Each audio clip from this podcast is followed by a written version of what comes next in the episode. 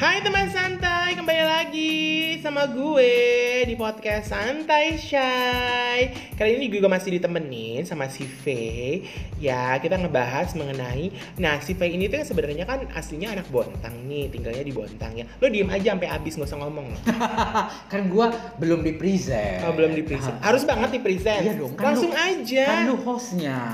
Aduh. Eles-eles bintang tamu, wa. Ya Ya kan? Eh, jadi cermin ya di tempat ini Heh, Anda. Jadi kan dia, dia tuh tinggal di, eh misalnya gini, lahir dan besar Dia lahir dan besar Gua di lahir gua lahir di Sulawesi. Di Sulawesi, ah, lahir di Sulawesi. Gua lahir di Sulawesi, Sulawesi tapi mana? selatan. Gua Bugis, wa.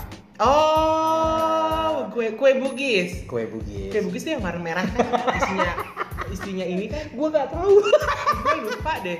Eh, kan gue lupa gue beneran, gue itu melabeli diri gue adalah eh, Bugis laknat karena gue akan lebih tahu Kalimantan ketimbang eh, Iya karena lo kan abis-abis dibrojolin mungkin lo langsung Iya, tapi ada tahun. tapi ada adik lo ada Semuanya lahir di Bontang. akhir di Bontang kan lo doang lahir di Iya, Sulawesi. selatan Sulawesi Selatan Bone. di Bone oh jadi lo lahir kelahiran Bone Bone. Bone Sulawesi Selatan Sulawesi Selatan Sulawesi Selatan. Eh, jangan dong, gue lebih lebih bangga dibilang Kalimantan. Kalau Kalimantan mana sih? Timur. Bontang itu? Nah, ya. Jadi eh, Kalimantan Timur itu dari Balikpapan tuh 6 jam. ah, oke, eh, teman santai. Jadi asal tahu Eh, aja. Deket sama ibu kota yang baru. Oh iya.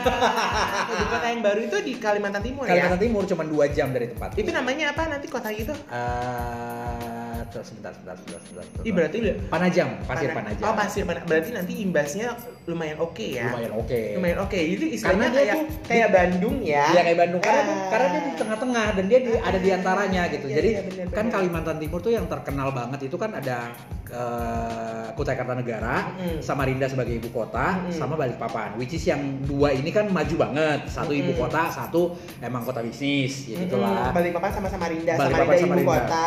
Samarinda Balikpapan tuh Balikpapan eh, tuh seperti kota kota kota Kota bisnis. kota bisnisnya. Kota bisnisnya, Jadi memang, gitu. memang sebenarnya gini lah teman santai ya. Ini kita ngomongin sedikit tentang geografi. mm, mm. Jadi memang ada beberapa negara yang memang mereka tuh mengkhususkan ibu kota hanya ibu kota, nggak usah jauh-jauh. Mm-mm. Amerika Serikat. Mm-mm. Ibu New kotanya- York adalah eh, Ya, Washington DC. DC. Dulu Tapi di New York. eh, eh, enggak, dulu sih sebenarnya memang sebenarnya awal dari Washington, Bo. Tapi memang Washington itu dikhususkan hanya untuk ibu kota. Jadi, administrasi ya. Administrasi bisnisnya ada hanya untuk membangun si negara bagian Washington itu Iya. doang. Tapi kan bisnis yang berjalan ada New New York. York. Lalu bisnis Hollywoodnya hiburan Di LA. California ya Ah. kan Los Angeles gitu. Lalu kan Chicago juga besar, Boston juga besar. Akhirnya berimbas ke daerah-daerah sekitar. Iya, nah Australia juga seperti itu. Ibu kota Australia adalah Canberra. Canberra. Dan uh, yang Dulu kan sempat di Perth. Uh, Sydney. Oh, iya, iya, Sydney. Sydney. Kalau Ya. salah- Kalau nggak salah ya. Ya. Jadi kalau salah maaf deh teman santai namanya kita manusia ya. Kita nggak jauh dari kesalahan. Nah di Australia sendiri kan ibu kotanya adalah Canberra, tapi memang uh, yang lebih maju dan orang Sydney. lebih mengenal adalah Sydney, Melbourne, Yes. ya kan kayak gitu Sama Perth. sama Perth gitu. Nah Indonesia kan akan seperti itu, artinya adalah eh, mungkin ja- eh, ibu kotanya adalah di Kalimantan, Kalimantan. Jakarta ini kan tetap jadi sebenarnya kota, Kota yang bisnis. kota bisnis, jadi memang semua produk perekonomian dijalankan di Jakarta. Itu sudah dilakukan oleh Kalimantan Timur ternyata. Yes. Jadi sebenarnya orang-orang orang udah gue tinggal di Balikpapan, mereka lebih senang tinggal di Balikpapan di- ketimbang di Samarinda, Samarinda. karena memang di Balikpapan apa-apa ada. Apa-apa ada, terus kayak Deket lebih pelabuhan juga, Dekat kan? pelabuhan, Hmm. international airportnya juga di situ. eh, gitu. awalnya kan seperti itu, sekarang kan Samarinda udah punya internasional. Karena kan sebenarnya gerbang Indonesia itu ada tiga, Mm-mm. sebenarnya kan. Eh, Soekarno Hatta, Mm-mm. International Airport, terus Denpasar dan eh, Balikpapan. Balikpapan, Haji. Makanya sekarang kan sebenarnya pembangunan uh, international airport di Indonesia banyak karena kan Indonesia kan negara kepulauan. Ya. Jadi akhirnya Banyak kan pintu masuk. ya pintu masuk. Jadi akhirnya kan dulu kan di uh, Sumatera Utara di Medan sendiri aja kan dari Pulau Nia pindahin ke Kuala Namu. Kuala Namu. dengan kapasitas yang lebih besar. Yes. Lalu Sumatera Selatan juga mengembangkan lagi tuh dengan ada LRT, M, LRT ya dia. LRT. Jangan sedih teman santai. Jadi anda kalau pada, pada ke Palembang bisa naik LRT. Dan nanti di Kalimantan akan ada tol Trans Kalimantan Nah, yang menghubungkan semua provinsi yang ada di Kalimantan. Nah, Jadi kita sebagai warga negara yang baik harus siap dan siap, siap dan gak siap, suka dan gak suka harus menerima perubahan. yes, benar. Karena gue yakin siapa pun pemimpinnya pasti akan mem- apa ya akan mengutamakan kemajuan negeri. Tapi sebenarnya zaman Pak Harto dulu juga memang mereka dulu mau mindahin mau dipindahin tapi bukan di Kalimantan Bukan, Timur. masih pinggir. Jadi Kalimantan dulu- Tengah.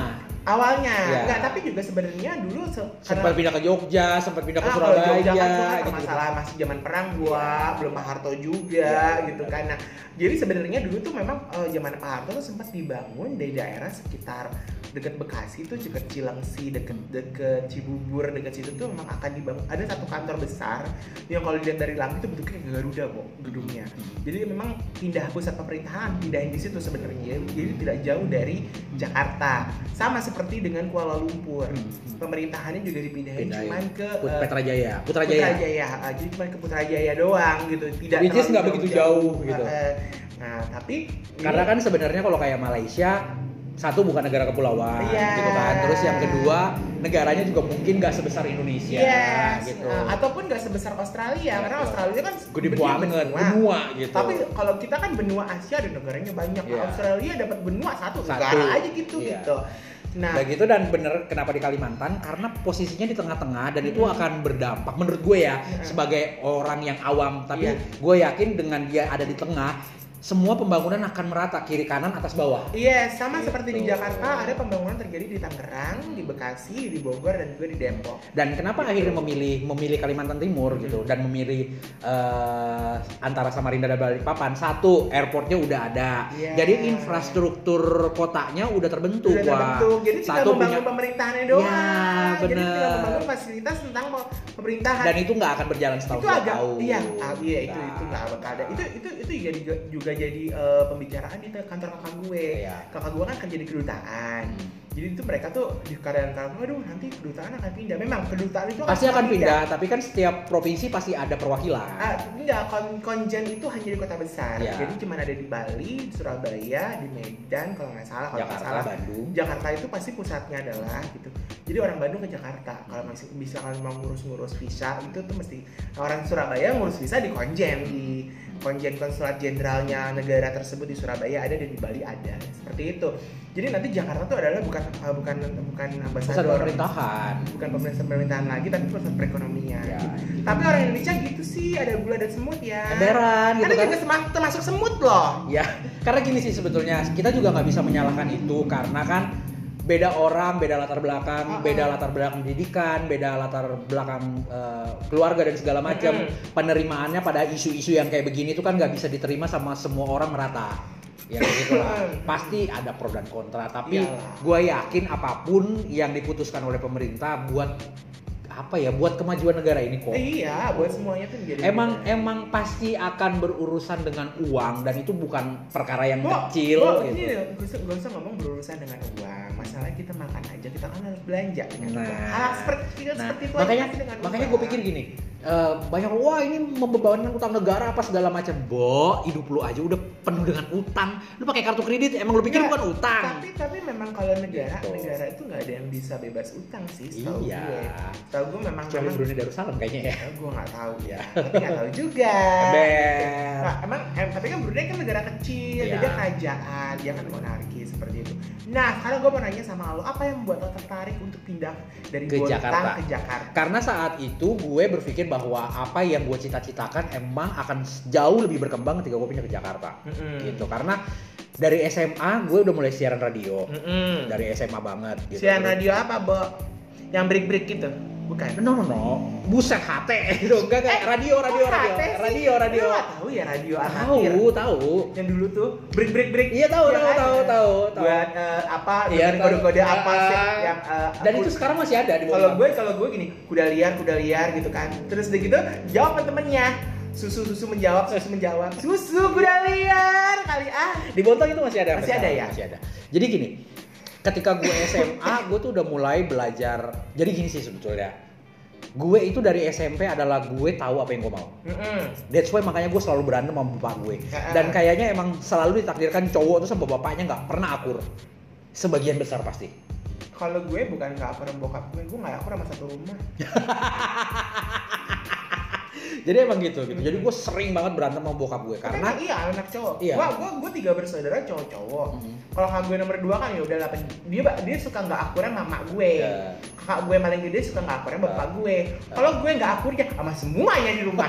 kalau gue emang gue lebih dekat sama nyokap karena eh, gue itu kecil kan sama nyokap karena Mhm. bokap kan emang eh, tinggal di Kalimantan kan Mhm. kerja di Kalimantan saat itu gitu jadi gue umur lima tahun itu baru kenal yang namanya sosok sosok bapak Mm-mm. gitu karena sejak lahir gue udah ditinggal ke Kalimantan kerja. bokap bekerja gitu jadi emang gue lebih dekat Akhirnya dari Bone itu baru akhirnya ngikut bokap ngikut ke bokap pindah ke gitu, Kalimantan.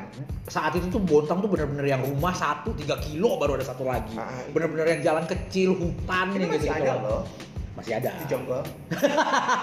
eh serius? gue gak pernah ke Jonggol wah Eh gue syuting deket situ waktu itu. Nah, dah gitu. Akhirnya pindahlah ke sana sekitar tahun 87 atau tahun 88 karena adik gue yang kedua tuh lahirnya tahun 88 gue sama adik gue yang kedua itu jedanya 6 tahun. Mm-mm. adik gue yang lain-lainnya tuh cuma jeda 2 tahun 88 90 Lo hitung 92 ya, 98 88 lo kurangin 6 Jadi lebih tahu umurnya dia berapa. 37 terus udahlah ya gitu. Jadi eh apa namanya eh, gue cuma numpang lahir di Bone. Jadi gue nggak tahu apa-apaan soal Bone. Yang cuman besar beberapa tahun doang ya lima tahun. Man- balita dan ya. nggak akan nggak akan notice apa-apa Ah, gitu. Karena juga balita. Makanya makanya yang gue inget adalah gue adalah cucu kesayangan kakek. Nenek, eh, kakek. gitu gitulah gue cucu pertama di keluarga karena nyokap gue anak pertama. Mm-mm. dari sembilan saudara. Jadi Dan nyokap lo orang Bugis ya? Bugis. Bokap sama nyokap gue itu tetanggaan. Oh sama kayak bokap nyokap gitu. gue ya. Terus eh, gue tuh nggak begitu paham silsilah keluarga karena di keluarga nggak pernah ngomongin itu. Oke. Bukan bukan kayak keluarga modern gitu yang wah kamu itu sama ini saudaranya begini. Kalau lu kan paham banget lu ye gitu. Saudara sepupu sekian sekian sekian kan lu hafal semua. Kar- kalau gua nggak. Karena karena mungkin mungkin budaya. Jadi kalau di keluarga gue mungkin gue orang Jawa. Jadi sebenarnya gue orang Jawa juga bukan tipikal yang ngumpul-ngumpul kayak kita jadi kita bukan rasis ya teman santai ya. Jadi memang setiap orang kan punya punya punya tradisinya beda-beda. Ya, Kalau punya latar kalau- belakang Kalau berbeda. yang di Chinese kan mereka sangat keluargaan Iya. banget. Nomor satukan keluarga. Kalau ulang tahun ngumpul apa Iya, ngumpul apa kalau kalian ngumpul nonton gitu Crazy Rich Asian itu tuh memang kan akhirnya di situ ditunjukin bahwa bagaimana uh, bangsa Cina itu sangat memegang teguh keluarga. Batak juga seperti itu. Jadi mereka di Batak itu juga lebih sangat-sangat harus tahu. Lu tuh marga lu apa? Boru boru tuh untuk perempuan, marga untuk laki-laki ya. Kalau nggak salah nih. Sebenarnya itu juga marga juga sih, cuman memang untuk penyebutan ke perempuan. Itu juga harus tahu. Jadi jangan sampai lu salah ngambil jodoh. Ya. Akhirnya marga lu tuh bukan yang bukan marga yang cocok apa gimana? Atau jangan-jangan tuh saudara apa Nah, Ya. atau mungkin juga bisa jadi itu adalah pariban, emang Ya. jodoh lo gitu Ya. seperti itu. nah Jadi memang lu nggak kayak gitu. Enggak, gue nggak kayak gitu gitu. Jadi emang gue tahu itu sepupu, tapi gue nggak tahu itu sepupu keberapa, sepupu dari Oh, keluarga gue yang mana. Gue Jadi nggak tahu. kayaknya, kayaknya kalau orang tua lo merantau ya udah merantau aja. Urusan urusan aja orang tua lo urusan sama anak-anak aja udah gitu. Sama sama saudara-saudara yang lain nggak terlalu gimana nggak terlalu gimana gimana. Jadi anak-anaknya juga nggak kenal ter- tersaudara Nah, atau gitu. jadi begitu kumpul gitu-gitu kan, gue tuh kadang-kadang suka siapa sih mah gitu. Kalau gue nggak jarang ngobrol sama bokap ya gitu, jadi papa ngomong sama nyokap, ini siapa sih anaknya siapa dari yang mana gitu. Ini kan segini loh, kamu tuh suka-suka diom- di, di, diomelin gitu. Kamu tuh ini kan sini. Ah, ah gitu. Aku sama dia apa? Sepupu ya udah ya udah ya mau dari mana pun dia sepupu gitu. Kayak Tapi gitu. kan memang sebenarnya kan nggak salah lo juga karena mungkin orang tua lo nggak memperkenalkan lo kepada sepupu Iya. lo. Jadi emang nggak ada kayak kita nggak tahu yang family trees itu yang gimana gimana. Ah, kebetulan gue orang Jawa gue punya family trees. Nah, Jadi memang iya. karena kan kebetulan tapi gue hanya di keluarga nyokap. Hmm. Jadi kalau di keluarga bokap gue, gue nggak tahu karena memang bokap gue tuh 13 bersaudara ya bokap gue tuh anak bungsu jadi kakak-kakaknya dia tuh banyak yang udah meninggal ketika gue besar jadi gue nggak ada yang kenal nggak kenal semua kenal cuma beberapa doang Dan kayak misalnya gue anak gue darahnya benar-benar Bugis 100% gitu kan. Terus habis itu gue besar di Kalimantan gitu kan kalau di ya kayak sama lah gitu kayak misalnya kalau orang Bugis itu kan ada Andi yang gitu-gitu lah. Terus kayak ada sebutan-sebutan misalnya kalau kayak orang Sunda Teteh, AA gitu-gitu. Hmm. Kalau orang orang ya pasti ada sebutan-sebutannya. Kalau orang Bugis itu kan dipanggilnya kan kalau kakak tuh Daeng. Mm-mm. Kalau orang yang lebih tua misalnya kayak gue sama bokap tuh harusnya manggil puang gitu. Tapi kalau gue tuh nggak terbiasa dengan itu gitu. Makanya gue tuh tinggal di Kalimantan. gue tinggal di Kalimantan. Makanya kalau misalnya kayak ada saudara Apalagi gue di Bontang itu adalah uh, majemuk Majemuk dan adalah ada. Bontang tuh kota kota industri juga. kota gitu ya. industri gitu. Jadi, memang banyak orang dari segala penjuru segala penjuru Indonesia ada di sana. Jadi di sana itu di Bontang itu Bugis, Jawa itu itu udah suku yang paling gede di di Kalimantan tuh. Dua dua ini gitu. Bu, secara emang Sulawesi sama Kalimantan kan deket gitu. Hmm. Iya. Dan Jawa kan di bawahnya Kalimantan gitu. Tinggal mak jerungkut. Iya. Oh. Dan di mana-mana ada orang Jawa, di mana-mana ada orang Bugis. Iya, Iya kan? Karena kami iya. adalah anak-anak perantau. nomor nomor tiga adalah orang Padang, Yes. nomor empat adalah orang Batak. Orang Batak. Iya Gitu. itu itu jadi memang eh, sebenarnya eh, orang Indonesia tuh kalau bisa dibilang memang perantau semua Iya. termasuk orang Jawa ya jadi kalau dibilang orang Sumatera orang perantau nggak juga Makanya gue tuh terbiasa dengan makanan-makanan Jawa. gue ngerti bahasa Jawa karena Hmm. teman-teman gue, tetangga gue itu lu bisa bahasa Kalimantan nggak sih bahasa bahasa Bontang? Bontang itu nggak ada bahasa, Nggak ada bahasa. nggak ada bahasa tapi ada penduduk aslinya Kalimantan Timur Nggak ada, karena Kalimantan Timur itu kan Dayak. identik dengan Dayak dan Kutai, Iya. gitu. Tapi kan kalau Kutai lebih banyak di Kutai Kartanegara. Tapi kan Kutai berapa jam dari Bontang? sekitar 3-4 jam. Oh agak lebih jauh Mm, karena urutannya tuh Balikpapan, Samarinda, Samarinda sama Kutai Kartanegara tuh nggak begitu jauh. Habis itu baru Bontang, baru Sangatta, Kutai Timur. Oh Bontang ke jadi gini Jadi eh, Balikpapan ke Samarinda itu tiga jam, jam. Samarinda ke Bontang itu tiga jam, Ah, ah. gitu. Samarinda ke Kutai. Kutai, Kutai Kartanegara itu sekitar satu jam sampai satu setengah jam. Ah. jadi Kayak mungkin gitu. Samarinda mungkin masih banyak orang Kutai di Samarinda. Ya, yang gitu gitulah. Salam Sangatta oh, Orang dari, dari, Sangatta, dari, dari, Bugis, dari, Jawa gitu-gitu. Dari Bontang juga. Deket. Bontang ke Sangatta itu sekitar 2 jam. Yang gitu gitulah. Jadi emang kalau mau dibilang gitu, di sana suku suku aslinya apa nggak ada? Karena semuanya Iya. pendatang. Tapi memang suku asli Kalimantan Dayak sih. Suku Kalimantan iya emang Dayak gitu, Jadi tapi secara keseluruhan Kalimantan memang Dayak. emang Dayak, tapi kan eh, nggak yang mereka mereka tuh kan bukan tipe yang nyebar.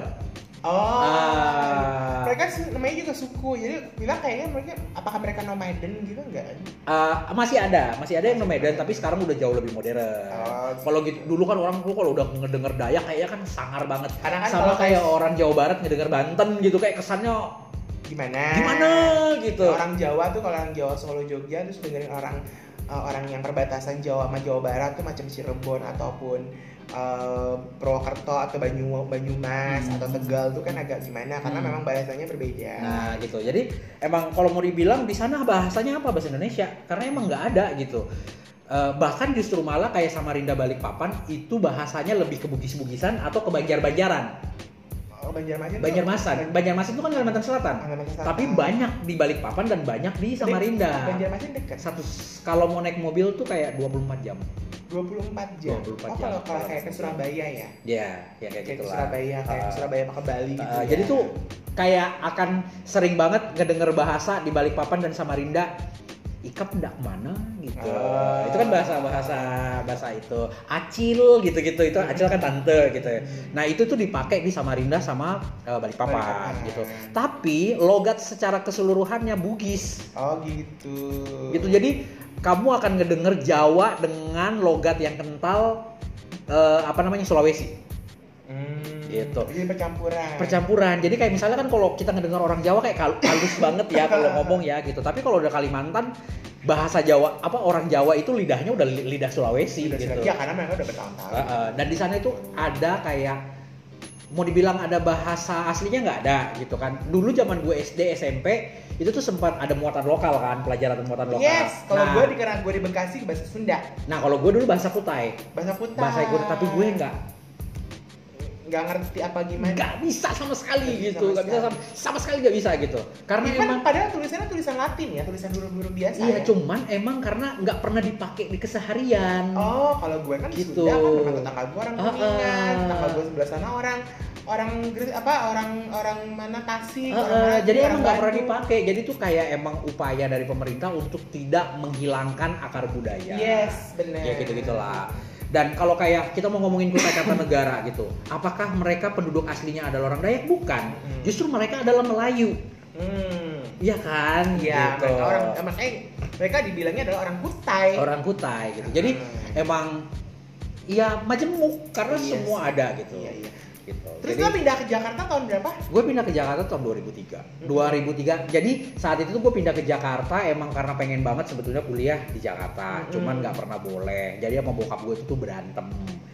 Jadi waktu itu emang pokoknya kalau misalnya kamu pengen kuliah di Jakarta mending gak usah kuliah. Gitu. Karena kalau kalau kalau kamu mau kuliah kamu balik ke Makassar secara gue nggak kenal Makassar gitu. Karena kan gue nggak pernah besar di sana gitu. Jadi kayak menurut Kan gue sama aja lu juga gak kenal nggak kenal Jakarta, lu nggak besar di Jakarta. Iya iya iya iya gue ngerti itu gitu. Tapi ya itu gue bilang gitu dari SMP gue mengerti apa yang gue mau. Hmm. gitu jadi kayak gini deh dari SD gue kan sekolah itu emang deket-deket rumah kan. Hmm. SD gue itu adik gue sekolah di situ semua SMP doang kita mencar SD-nya namanya apa? SD negeri 002 Oh SD negeri SMP sampai SMP. SMP gue swasta Apa? SMP swasta namanya Rigomasi Heeh. Rigomasi itu yayasan dan Kalau- itu tuh cuman kayak lima menit dari rumah Kalau kalau yang SMA-nya? SMA-nya aku SMA negeri lagi. Oh, negeri. SMA negeri 2 namanya Semanda. Jadi saat itu tuh di Bontang cuma ada dua SMA negeri, SMA negeri 1 dan SMA negeri 2. SMA swastanya? SMA swastanya cuma ada Vidatra dan Pupuk Altim. Oh temen-temen gue di Trans7 ya ada sih Mbak Noni itu tuh dia dulu dia sekolahnya Vidatra. Vidatra dan itu itu tuh Dia- dia sekolah apa? perusahaan. Perusahaan Badak ya? Iya, PT Badak, Badak PT ya? Badak yang sebentar Vidatra. lagi akan berganti menjadi Pertamina.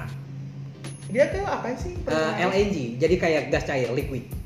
Minyak atau Eh, gas, gas cair. gas cair. Oke. Gitu. Terus yang satunya Pupuk Altim, yayasan eh, Pupuk Altim gitu. Dan Ah. saat gua sekolah Tunggu. dari SMP sampai teman, SMA teman santai gak usah nanya ya pupuk altim eh, perusahaan apa namanya juga udah pupuk Pupuk Altim itu adalah bagian dari pupuk Indonesia. iya karena sebenarnya kan Banyak kan? Banyak. Jaya, Gresik. semen Gresik, Semen ya pupuk Gresik apa segala Ah, macam. Oke gitu-gitu kan kayak semen Indonesia, Iya. ada semen Gresik, Iya. pupuk juga ada pupuk Sriwijaya, ada pupuk pupuk itu Ya, Kaltim makanya pupuk kan. Indonesia gitu. Jadi eh, zaman gua sekolah dari SMP sampai gua SMA, SMP eh apa YPK, YPK dan Vidatra itu adalah sekolah elit di sana. Oke. Karena yang boleh sekolah di sana hanya anak-anak karyawan atau anak orang kaya banget.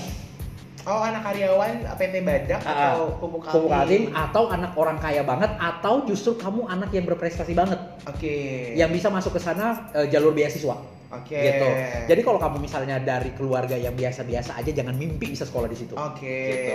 Karena mereka itu kayak kota dalam kota. Vidatra itu punya pusat namanya Town Center Heeh. dan eh, apa namanya eh, kantor pusat mereka namanya White House. Heeh. Jadi dari playground sampai SMA itu di, di lokasi yang sama Oh jadi dia tuh Gitu. sekolah udah kayak udah kayak bentuk-bentuk sekolah internasional ya? international Wak? school karena kul- kurikulumnya sempat kurikulum internasional. Jadi kalau jadi gitu. kalau zaman sekarang lu bergaya-gaya dengan international school apa sih apa sih? No, yang zaman dulu tinggal di Bontang udah, Udah ngerasain. ada. Apalagi siswa-siswa dari sekolah Vidatra dan, Dan sekolah YPK. YPK. Gitu. Oh pantesan si Mbak itu suka nulis-nulis dia di Facebook gitu ya waktu dia sekolah di Vidatra. Dia mah sekolah di Vidatra karena Si, bapaknya iya.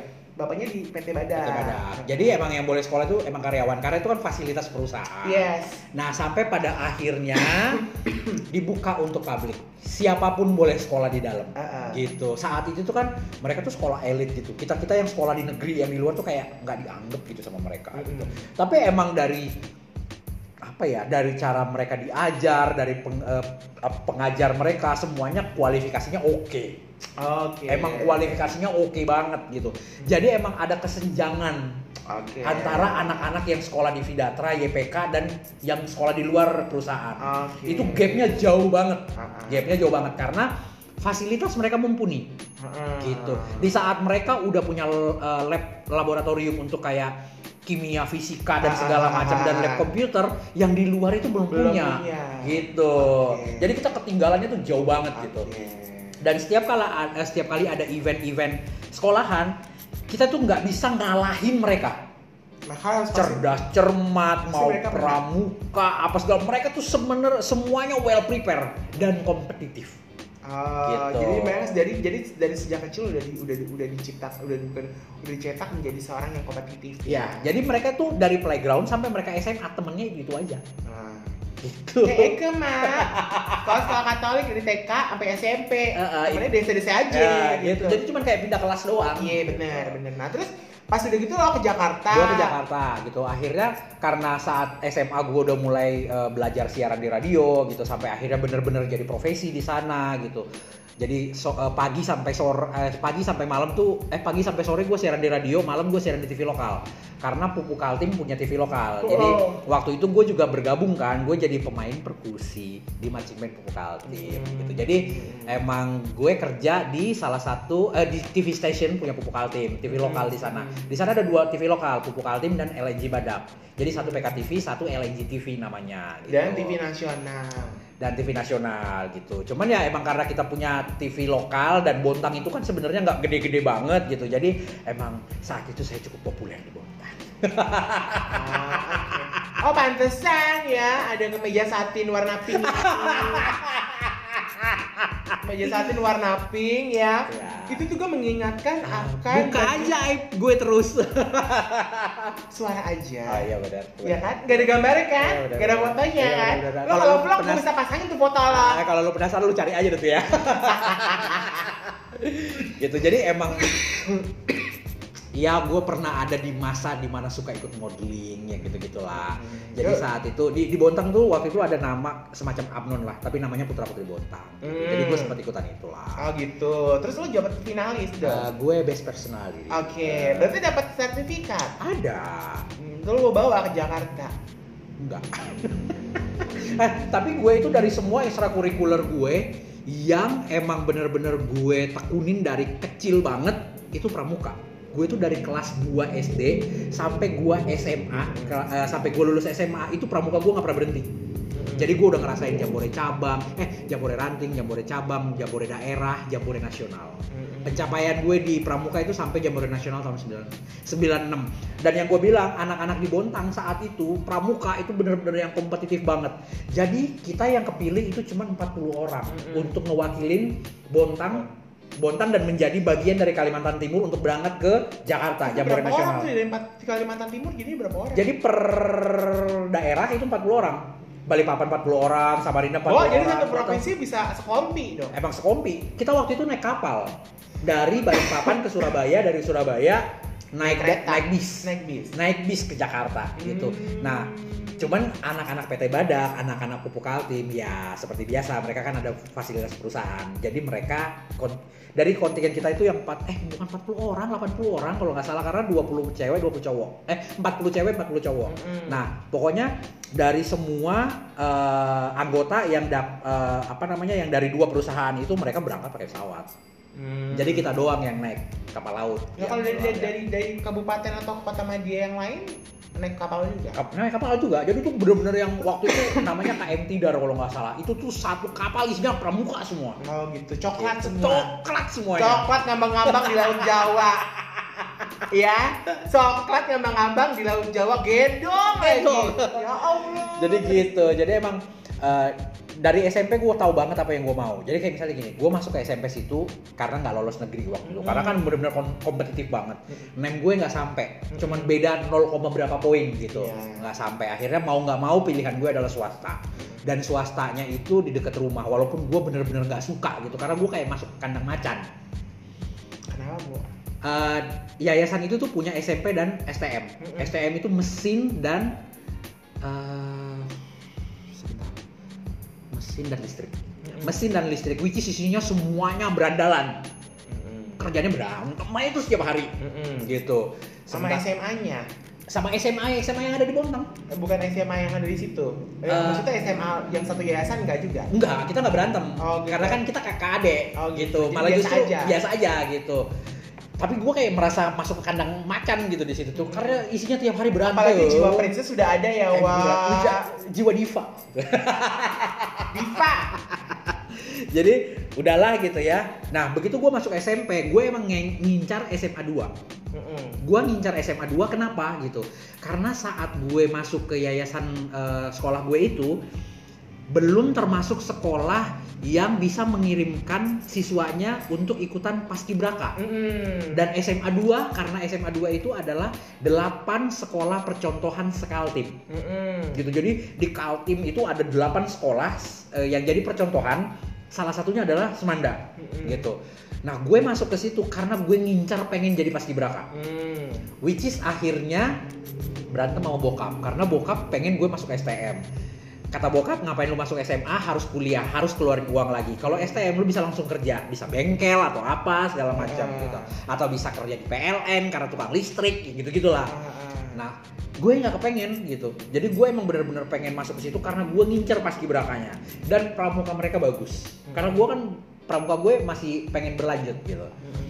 masuklah gue ke Semandap. Pada saat pendaftaran gue nggak mau diantarin bokap. Jadi gue pergi sendiri gitu jadi bokap itu taunya gue nggak diterima di STM di STM negeri yang bokap suruh gitu Hmm. padahal emang sebenarnya gue nggak pernah ngedaftar di situ Mm-mm. jadi gue melipir ke SMA 2, gue ngedaftar di situ sendirian, alhamdulillah masuk dan gue dapat beasiswa dari kelas 1 sampai kelas 3. Mm-mm. Gitu. Jadi emang bener-bener kayak gue tahu apa yang gue mau dan gue akan bertanggung jawab dengan pilihan gue. Jadi gue sekolah SD, eh SMP sampai SMA itu hampir 80% atas biaya gue sendiri. Gitu. Karena gue ngerasa apa yang gue pilih harus gue bertanggung jawabkan. Nah, tahun 98 itu gue ikut seleksi pas Gibraka dan nggak lolos. Mm-mm. Karena zaman itu kayak anak SMA tinggi-tinggi ya gitu. Mm-mm. Dan gue kalah di tinggi. Kalau untuk teknik berbaris dan segala macam itu udah makanan gue dari pramuka kan gitu. Ya. Nah, tahun 99 itu gue coba lagi dan nyaris nggak keterima karena masih kalah pendek. Mm-mm. Masih kalah tinggi maksudnya. Kalau pendek maksudnya lo masih mm, ya oke. Masih kalah tinggi gitu. Terus akhirnya emang dari 40 orang waktu itu yang kepilih gitu. Gue adalah pilihan terakhir.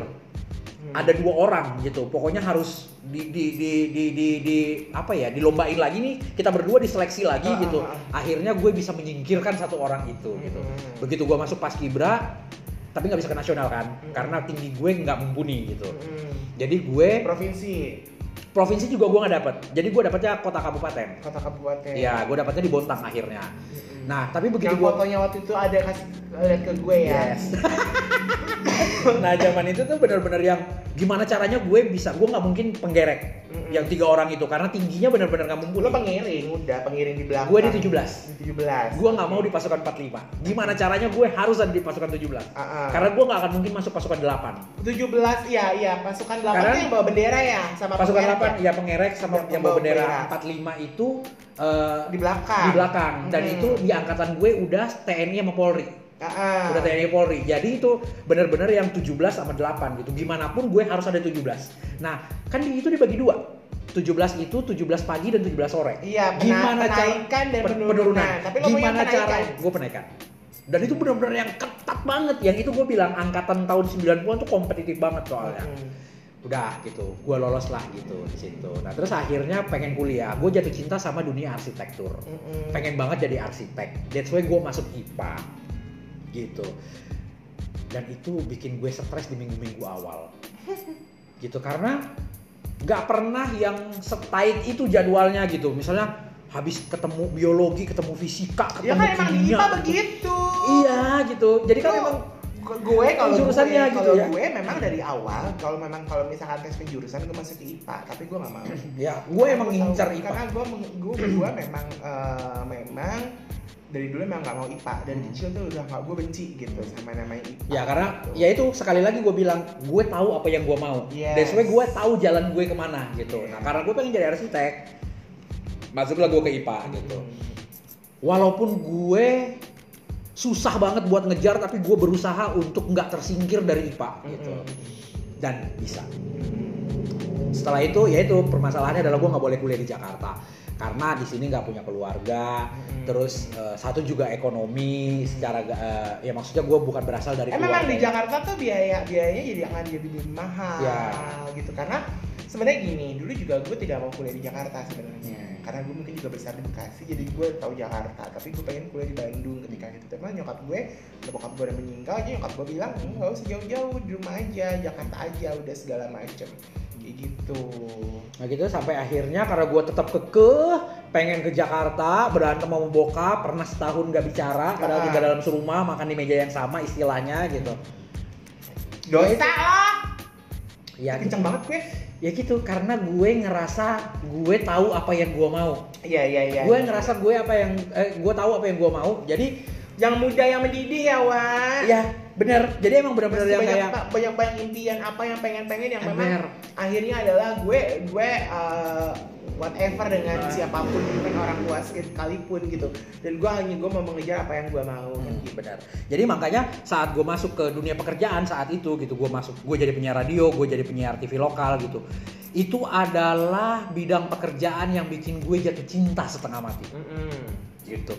Padahal dulu gue SMP itu tuh takut banget ngomong di depan banyak orang. Mm-mm. Pegang mikrofon itu gemetaran. Sampai akhirnya gue melatih public speaking gue di radio dan mulai bisa bicara banyak. ya gue karena langganan majalah, jadi ilmu penge- apa pengetahuan gue boleh dibilang oke lah gitu Lumayan lah. lah. Lumayan lah gitu. Jadi begitu gue siaran di TV, begitu gue siaran di radio itu gue dikompor-komporin sama orang-orang gitu. Lu harus ke Jakarta, lu harus ke Jakarta. Karena kalau di Bontang lu akan segini-segini aja, di Jakarta lu akan berkembang semakin gede kemauannya Iya. gitu. Dan semakin sering ngotot-ngototan sama keluarga. Iya. Sampai akhirnya gue tahun 2001 gue ke Jakarta lagi, 96 gue ke Jakarta ikut pramuka, 2001 gue ke Jakarta lagi untuk Grand Prix Marching Band. Mm-mm. Tahun 2003 waktu itu kita persiapan marching band ke Itali, Mm-mm. sorry, ke Itali, tapi waktu itu nggak jadi karena SARS. Mm-mm.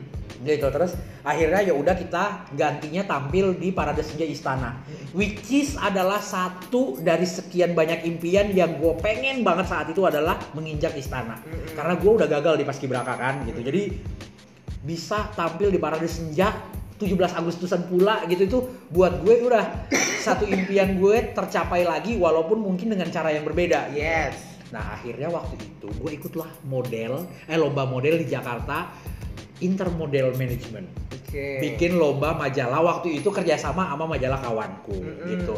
Dan jadilah gue finalis di situ. Mm-mm. Foto gue terpampangnya nyata. Terkenal lah gue di sekolah sebagai model. Jadi pokoknya istilahnya da- jadi zaman-zaman tapi emang gitu ya teman santai ya kalau menurut gue ini gini. Eh, ini gue bukan mendiskreditkan ya bahwa eh, teman-teman kita yang tinggal bukan di Jakarta gitu kan. Mereka itu berusaha gimana caranya untuk mendapatkan sesuatu. Jadi kalau kalau misalkan kayak kita lihat Putri Indonesia itu dari daerah-daerah wah prestasinya seperti macam-macam. Anak-anak di daerah tuh mereka tuh mengejar-ngejar banget prestasi atau mengejar sesuatu yang di mana biar mereka tuh bisa bisa bisa apa ya bisa memprovide hidup mereka nantinya Hmm, gitu dan hmm. mereka bisa bersaing gitu karena kalau di Jakarta kan anak-anak kan sekarang aduh segala-galanya udah ada mereka udah nggak terlalu tertarik dengan yang namanya kayak gitu-gitu Iya, sebenarnya iya. kayak gitu jadi akhirnya ya udahlah gue sekolah jadi memang memang kalau di Jakarta tuh lebih kecenderungan dulu ya kalau zaman dulu tuh anak-anak Jakarta tuh pengen sekolah sekolahnya ke luar negeri Hmm. pengen beasiswa apa segala macam dulu jadi kalau misalkan kayak modeling modeling kayak gitu tuh Hmm. banyak kan rata-rata anak-anak yang dari daerah daerah Daerah, gitu karena memang- bukan sebenarnya buat gaya-gayaan bukan, Bukan. buat buat bukan banci tampil tapi emang ada itu kayak satu dari sekian banyak cara yang kita mau lalui untuk mendapatkan apa yang kita mau Iya, makanya Gitu. akhirnya kan banyak banyak kalau kita kita ngelihat bahwa selebritis sekarang penyanyi, aktor dan segala macem, Hmm. even bahkan model dan itu banyak kan dari luar kota Jakarta. Hmm. Jarang sekali yang dari Jakarta tuh maksudnya yang terkenal banget tuh ada ada cuman memang Jarang. terlalu gimana gimana. Nah. Ya kayak Chris Dayanti aja kita tahu dia dari, dari batu Malang, dari Batu Malang gitu. Artinya dia juga berjuang mencapai prestasi di Jawa Timur gitu kan. untuk Asia bagus Oh, oh, gitu siapa gitu segala macam terus akhirnya dia pindah ke Jakarta dengan ibunya dia ikut Gali Sampul ikut Asia Bagus ikut segala dan bisa macam jadi diva. Dan bisa akhirnya menjadi penyanyi bahkan dengan Yuni Sara kakaknya juga seperti itu gitu. Terus kita juga ngeliat Raffi Ahmad bagaimana perjuangannya dia Dari Bandung, Bandung. ke Ya. Jakarta bolak balik bolak balik bolak balik gitu kan. Jadi Judika dari Medan. dari Medan dan segala macam yang gitulah gitu. jadi pada akhirnya saat gue jadi finalis di lomba itu Hmm. gue kan dapat surat tuh Mm-mm. untuk ke Jakarta apa segala macam itulah yang jadi senjata gue untuk bisa datang ke Jakarta Oke. dan gue maksud gue gini gue datang ke Jakarta ada tujuan jadi kayak gue bisa present ke bokap gue nih gue ke Jakarta karena gue jadi finalis ini Mm-mm. gitu jadi bokap gue jadi kayak lebih percaya oh oke lu ke sana nggak akan menggelandang Mm-mm. ya kayak gitulah walaupun pada akhirnya setelah gue nyampe ke Jakarta gue nggak ikut tuh lomba lo nggak datengin. Gue nggak datang lo modus operandi ya wah modus operandi. Jadi gue bener-bener mencari jalan karena gini gue ke Jakarta dari tahun 2001 Padahal kan sebenarnya kalau lo ngikuti itu lo ada ada ada ada pintu terbuka lagi loh. benar benar terus tapi gue sebenarnya emang bukan itu tujuan gue saat itu. Hmm. gimana caranya gue bisa bener-bener meyakinkan orang tua gue bahwa gue bisa mengadu nasib ke Jakarta. Mm-mm. surat itulah yang jadi surat sakti gue. Walaupun sebetulnya gue nggak datang ke acara itu jadi gue nggak datang ke lomba itu. Nah karena gue udah mencoba cari cari jalan lain ikut marching band 2001 gue ke Jakarta 2003 gue ke Jakarta tetap nggak boleh stay gitu kan. Karena mungkin kalau marching band saat itu tuh kayak ya ya udah selesai marching band lu bisa pulang gitu. Karena itu kan adalah perwakilan Bontang dan perwakilan perusahaan gitu lah terus akhirnya ya gue dapat surat itu gue meyakinkan bokap gue akhirnya gue diizinin buat datang ke Jakarta gitu. Dan di saat yang bersamaan itu gue masih siaran di TV lokal sana kebetulan station manager gue itu adalah salah satu temen deketnya Devri Padiangan 6 kalau pernah ngedengar suruh siapa lewat depan rumahku? Suruh siapa lewat tenda biru? Nah pentolannya dia itu adalah temen kosnya bos gue di Bontang saat mereka kuliah di Itu Unpad angkatan kita, wah. Ember. Anak sekarang ada yang tahu. Yes. Terus akhirnya gue direkomen lah sama dia gitu. Ya udah, karena kan mau nggak mau gue harus resign dari radio dan gue harus resign dari pupuk altim kan saat itu gitu.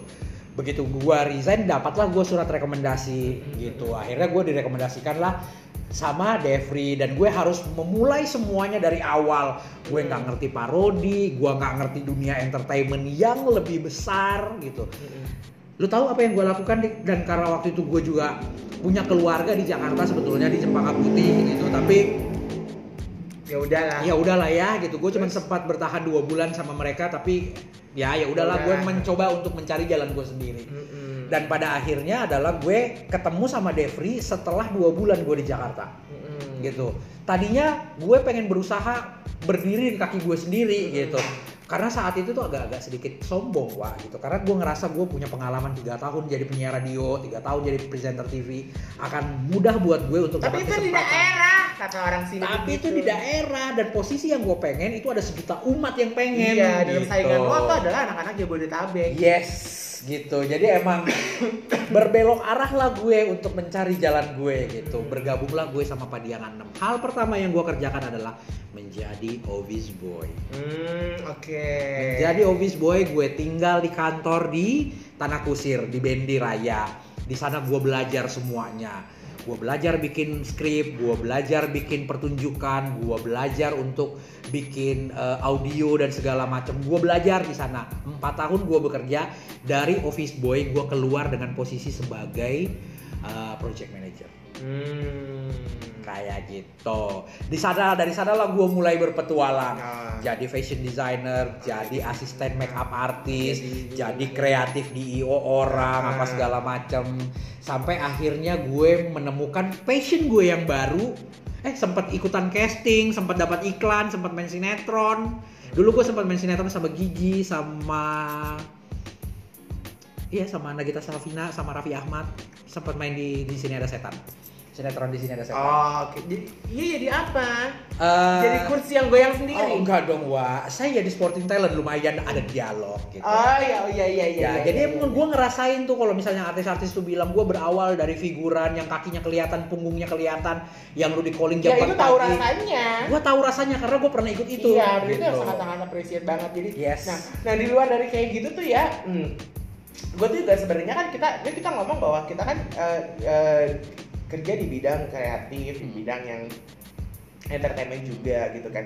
Nah, ada juga kan beberapa temen juga kan yang kerja memang eh, kerja di dalam bidang yang umum, yang artinya memang awam aja gitu. Jadi memang kalau teman-teman gue yang dari daerah tuh ya yang dari Semarang, yang dari mana, dari mana tuh mereka juga sama se-struggle itu. Hmm. Gimana caranya bahwa mereka tuh menadinasi di Jakarta, Hmm. terus mereka tuh bisa eh, istilahnya mereka bisa mau menuju sukses gitu. Benar, benar. bagaimana suksesnya mereka Hmm. seperti itu. Nah, gue dulu sewaktu memutuskan untuk hengkang dari gue eh dari rumah gue di Bontang, gue tuh bi- bilang ke diri gue sendiri, gue nggak akan pernah balik ke Bontang sebelum gue bisa kencingin Jakarta. Mm-mm. Jangan diartiin secara harfiah juga ya gitu. Bukan berarti dalam 16 tahun ini gue nggak pernah pulang ke Bontang gitu. Maksud gue gue nggak akan pernah balik ke Bontang untuk jadi warga Bontang lagi karena kan KTP gue KTP Jakarta sekarang. Sebelum gue bisa kencingin Jakarta which is artinya sebelum gue bisa menjadi sese- seseorang di sini. Sesuatu. Dan menjadi sesuatu gitu. Tapi tapi, tapi sebenarnya gue juga ngiri loh sebenarnya sama teman-teman yang dari daerah ya para perantau perantau ini. Gue tuh lahir di Jakarta bokap nyokap gue memang perantau tapi gue lahir di Jakarta gue besar di Bekasi gitu kan ya which is uh, Bekasi adalah kota satelit dari Jakarta ya di Bekasi Depok Bogor. Tangerang Bogor seperti itu nah gue nggak tahu mungkin teman-teman yang lain merasa bahwa ya sama lah Uh, kalau gue gini gue ngerasa gue itu karena gue ngerasa gue tinggal di Jabodetabek gue nggak gue nggak ngerasa punya rasa kompetitif akhirnya Iya. karena sekolah banyak Hmm. Ya lu sekolah Pilihan banyak, banyak, pilihan banyak fasilitas lengkap, ya ada gitu. segala macam. Istilahnya gini. Palu gak ada, palu mau gue ada. ya istilahnya gini gua, bokap nyokap gue itu kan eh, karena gue keluarga Katolik jadi bokap nyokap gue maunya gue sekolah di sekolah Katolik. Gue dilarang sekolah-sekolah negeri gitu karena memang nyokap bokap gue concernnya seperti itu gitu. Jadi mau sekolah negeri mah banyak dari satu sampai berapa puluh ada. Hmm. baik even di Bekasi bahkan di Jakarta sekalipun ada. Lalu ada sekolah swasta sekolah swasta banyak mau yang sekolah swasta Ya biasa-biasa aja sampai elit, elit gitu sampai yang internasional semua ada. Iya, nah, tapi- tapi kan dulu gue diperkenalkan dengan sekolah swasta Katolik. Ya, zaman dulu kan kalau kita tuh taunya adalah kan Kanisius, Pangudi Luhur, Gonzaga, kayak gitu-gitu kan.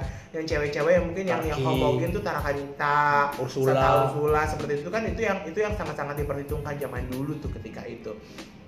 Akhirnya memang akhirnya gue juga tidak terlalu ya gue ya udah nggak masuk yang sekolah yang A ya B Banyak ya C ya, pilihan. banyak pilihan gitu. Jadi akhirnya rasa kompetitif itu tidak ada. Lalu uh, gue tuh tidak menyukai juga uh, ekstrakurikuler semacam uh, physically physical gue nggak suka. Jadi gue lebih suka adalah kalau misalkan gue ada ekskul tentang bedah buku ya gue mendingan ikutan bedah buku gue ekskul tentang agama gue mendingan ikut tentang agama gue misalkan ekskul tentang keterampilan gue mendingan keterampilan ketimbang gue ke fisikal karena kan kalau semacam pas kibra ataupun pramuka kan fisikal Hmm. kayak gitu ataupun basket itu fisikal Mental. Iya, satu adalah seperti itu. Nah, kalau gue bilang akhirnya gue juga te- ngerasa bahwa oh mental gue nggak se, se, se struggle si anak-anak rantau. Ketika itu gue ngerasanya seperti itu. Pas kejadian orang tua gue nggak ada, dua-duanya barulah itu. Gue berasa bahwa oh ya berarti gue harus lebih struggle dengan dengan keadaan yang memang eh, orang tua gue tinggal meninggalkan apa apa misalnya ya istilahnya dia nggak kita orang tua gue bukan orang yang kaya raya dengan harta Banyak berlimpah warisan gitu-gitu. eh, yang kayaknya warisan berapa tujuh turunan kagak habis habis yang gue apa segala gue kalau orang tua gue kaya raya tujuh turunan gue kenal lu. Lu yang kenal gue itu gue gak kenal lu Benar, benar. benar. benar. tapi tapi akhirnya belajar dari teman-teman yang merantau ke Jakarta adalah mereka memang rata-rata adalah orang-orang yang sangat eh, memang pejuang artinya mereka meninggalkan kampung halaman mereka meninggalkan keluarga dan orang tuanya untuk mengadu nasib dan segala macam ada yang sukses ada yang enggak ada yang akhirnya kembali lagi ke kampung dan segala macam tapi tapi kalau menurut gue nih ya teman santai adalah apa pun sebenarnya yang kita mau yang kita impikan apa pun yang kita kita punya passion yang seperti apa kayak gitu yang kita tuh pengennya apa yang kita raih aja gitu ya jadi eh istilahnya lu eh, malahan anak-anak malahan sekarang anak-anak yang Jakarta biasanya memang Jakarta pada ke daerah Bo Hmm. ada yang pindah ke Bali, Hmm. ada yang pindah ke Jogja, mereka kerja di sana Hmm. gitu karena mereka mungkin dari, dari kecil udah eh, dari kecil udah apa namanya udah biasa ngelihat Jakarta ya jadi mereka akhirnya mencari suasana baru kayak Hmm. gitu. Jadi kalau gue sebagai anak rantau tips gue adalah kalau lu mau ke Jakarta jangan dengan cuman bawa badan. Mm-mm. Bener, serius lu datang ke Jakarta walaupun misalnya mungkin pendidikan lu nggak tinggi gitu ya, cuman lulusan SMA. Karena gue pun cuman lulusan SMA. Iya. Dulu gue adalah orang mungkin menjadi satu di antara sekian banyak orang yang nggak begitu pede kalau ditanyain soal pendidikan. Mm-mm. Karena gue minder sebagai anak SMA gitu. Gue kayak ngerasa apa ya gitu kayak ngerasa Ya, kurang aja di iya, akademik iya, gitu. iya. Tapi sekarang gue bisa bangga, gue cuma anak SMA tapi bisa berjalan sejauh ini Iya. dengan mungkin jenjang karir yang harusnya bisa dengan mudah didapatin sama teman-teman yang kuliah Mm-mm. gitu. Mm-mm. Jadi emang eh, satu bekali diri lo dengan kemampuan yang lain Mm-mm. gitu karena seperti orang bilang Jakarta adalah kota bisnis apa pun di sini bisa jadi uang dari yang haram sampai yang paling halal Iya, ya kayak Gitu. lagunya kayak lagunya Andi Mary Matalata ya kan lenggang lenggok Jakarta. jadi bener kalau misalnya lu pilihan lu di sini itu cuman ada dua. Lu datang ke Jakarta dengan bekal dan lu datang ke Jakarta dengan nggak punya bekal sama sekali pilihan lu ada dua. Cuman ada dua menurut gue. Hmm. sukses atau jadi sampah Iya, karena dari dua yang lo bawa bekal ataupun tidak bawa bekal, yang tidak bawa bekal belum tentu jadi sampah. Iya. Yang ya membawa bawa bekal bekal belum tentu tentu sukses, juga belum sukses. sukses. Jadi Jadi, akhirnya- emang perlu kerja keras dan konsisten. Iya gitu. Jadi memang sebenarnya tapi yang paling utama sih memang harus ada bekal sih ya. Jadi Gitu. bekal bekal bukan cuma materi tapi Iya. juga bekal pendidikan. Dan Jadi tahu gue ke Jakarta hanya punya uang saat itu tuh 750 ribu Mm-mm. gitu. Jadi kita nggak ngomongin materi ya, tapi lebih ke diri lo sendiri gitu. Karena Hmm. ketika lu punya bekal, which is lu punya kemampuan, lu punya skill, lu akan bisa berjuang Mm-mm. dengan dengan sekuat apa pun yang lu Iya, bisa. even lo cuman diri istilahnya kalau lo ketika lo punya ketika lo punya 10 juta dengan ketika lo punya cuman 100 ribu gitu itu sama kalau Iya. menurut gue Iya. gitu sama, Sama. aja sama aja Karena eh, kesempatannya akan sama. iya Gitu. kesempatannya akan Kesa- sama kesempatannya akan istilahnya sama. tinggal tinggal bagaimana lo me- me- mem- Kerja keras. istilahnya bagaimana lo mengembangkan dari 100 ribu dan dan, dan mengembangkannya dari 10 juta, juta. itu Makanya gue bilang, Gitu. Jadi benar-benar yang harus punya semangat kuat lebih kuat dari baja. nah gitu jangan dikit-dikit mental kalau orang bilang Jo punya mental kerupuk yang gagal dikit melempet apa, gagal dikit nyerah. Istilah kata gagal, gagal, itu adalah angin, jadi si kerupuknya jadi melempemnya. Gitu. ya udah sih gitu. Karena waktu itu gue sempat punya temen temen Maya. Yang waktu itu dia tinggal di Singapura gue di Jakarta. Gue pernah kok mengalami putus asa pernah mengalami nyaris depresi Tapi emang iya kok, hampir semua gue juga seperti itu. manusiawi Manusia. gitu tapi gimana Manusiawi caranya kok. lu Bisa ketika bertahan. gagal bisa bertahan dan bisa jalan lagi Iya, artinya adalah gini, eh, kita tuh hidup itu bangun. yes Jadi ketika kita seperti jatuh, kita harus Christina bangun. "Ah, jatuh bangun aku mengejarmu Tetap dangdut. Jadi memang sebenarnya kehidupan itu kita, pada saat kita jatuh kita harus bisa bangkit lagi. Pada saat kita kita juga seperti hamster ya. Yes. Pada saat kita memutar roda, roda itu roda keberuntungan kita kita putar, roda yang uh, ketika, ketika bagian keberuntungan itu ada di atas, ya berarti kita juga harus sebenarnya intinya bersyukur ya. Ya. dan mulai semua jangan malu untuk memulai semuanya dari nol Iya. gitu karena gue bisa ngomong kayak begini karena dalam 16 tahun 17 tahun terakhir semua gue udah laluin di Jakarta dari yang paling pahit sampai yang paling manis gue udah pernah ngerasain gitu Ya, sa- ya, ya, kurang bukan sama. ya bukan maksudnya untuk menyombongkan diri Iya. dari gue jadi OB sampai sekarang di posisi gue adalah fashion designer, fashion stylist, eh, kreatif director, produser juga gitu. Dan itu tuh nggak mudah buat ngedapetin itu. Iya, itu iya memang. Artinya juga eh, ada masa-masa ya seperti gue ceritain juga sih teman santai pada saat di gue gue nggak lagi ngalamin di mana di masa gue lagi di bawah sekarang ini gitu. Jadi dan akhirnya gue juga eh, istilahnya Faye, Hamada itu juga salah satu eh, mereka salah satu dari teman-teman gue yang gue juga bercerita bagaimana mengenai hidup kita yang gimana sih supaya pada saat kita lagi di bawah kita tuh tidak merasa bahwa kita tuh eh, eh, merasa banget banget ngedown gitu. Jadi memang akhirnya bagi kita banyak banyaklah bersyukur, kita banyak banyaklah berdoa, artinya supaya apa yang kita mau, apa yang kita impikan tidak hanya menjadi sebuah mimpi, tapi juga menjadi sebuah nyata. Jadi kalau bilang ada keberuntungan ya keberuntungan itu juga sebenarnya berperan juga, tapi bagaimana kita kerja kerasnya, kan kayak gitu. Jadi Tuhan gue juga pernah bilang kemarin bahwa memang Tuhan itu pasti ngasih rezeki kita gak pernah salah, Nggak pernah ketuker. gak pernah ketuker, gak pernah terlambat. Pernah Sebenarnya terlambat. kenapa lo gak dikasih kasih Tuhan? Emang karena bukan waktunya atau belum waktunya. Akan indah pada waktunya. Ya. Rezeki itu nggak ada yang kurang, nggak ada yang lebih. Embun. Udah pas semuanya. porsinya. Lo dikasih satu miliar sama gue dikasih satu juta, artinya adalah gue udah pas satu juta. Itu adalah kebahagiaan gue dan harus patut disyukuri. Lalu teman gue dapatnya satu miliar, ah, berarti itu kebahagiaannya dia yang satu miliar. Berarti juga harus wajib disyukuri. Iya. Manakah yang lebih disyukuri? Apakah yang satu miliar kita nggak pernah bersyukur, yang satu juta malah lebih bersyukur, tiba-tiba satu juta jadi satu miliar, eh yang satu miliar jadi satu juta, kan Ya. seperti itu kita nggak pernah tahu. Iya. Gitu aja sih teman santai, intinya kita cuma ngobrol-ngobrol santai aja masalah Yes. pengalaman bahwa berbagi, sharing, Iya. mungkin bisa menjadi inspirasi banyak orang. Ya, ya semoga ya, Ya. semoga menjadi bukan hanya menjadi inspirasi juga pemikiran bagaimana uh, uh, buat kalian yang dengerin ya nggak perlu yang muda, mungkin yang seumuran kita juga bahwa kadang-kadang hidup itu tuh kita nggak pernah tahu. Di usia kita yang sekarang kita lagi di bawah ya udah. Tiba-tiba kita sukses di usia kita yang lebih tua lagi ya nggak apa-apa mungkin Ya. emang itu waktunya kayak gitu. Oke teman santai Terima kasih loh udah diundang dua episode ke podcastnya yang kece ini ya kan. iya, iya. Sukses terus podcastnya. kita ngobrol kita ngobrol-ngobrol gini ya kita ngobrolin masalah cinta ya karena masalah kita berdua tuh uh, punya uh, punya nasib cinta nggak baik Ah, ah, jadi bukan nggak baik sih gak usah ngomongin cinta deh. ya udah deh teman santai sampai ketemu lagi ya santai. Santai shy, guys.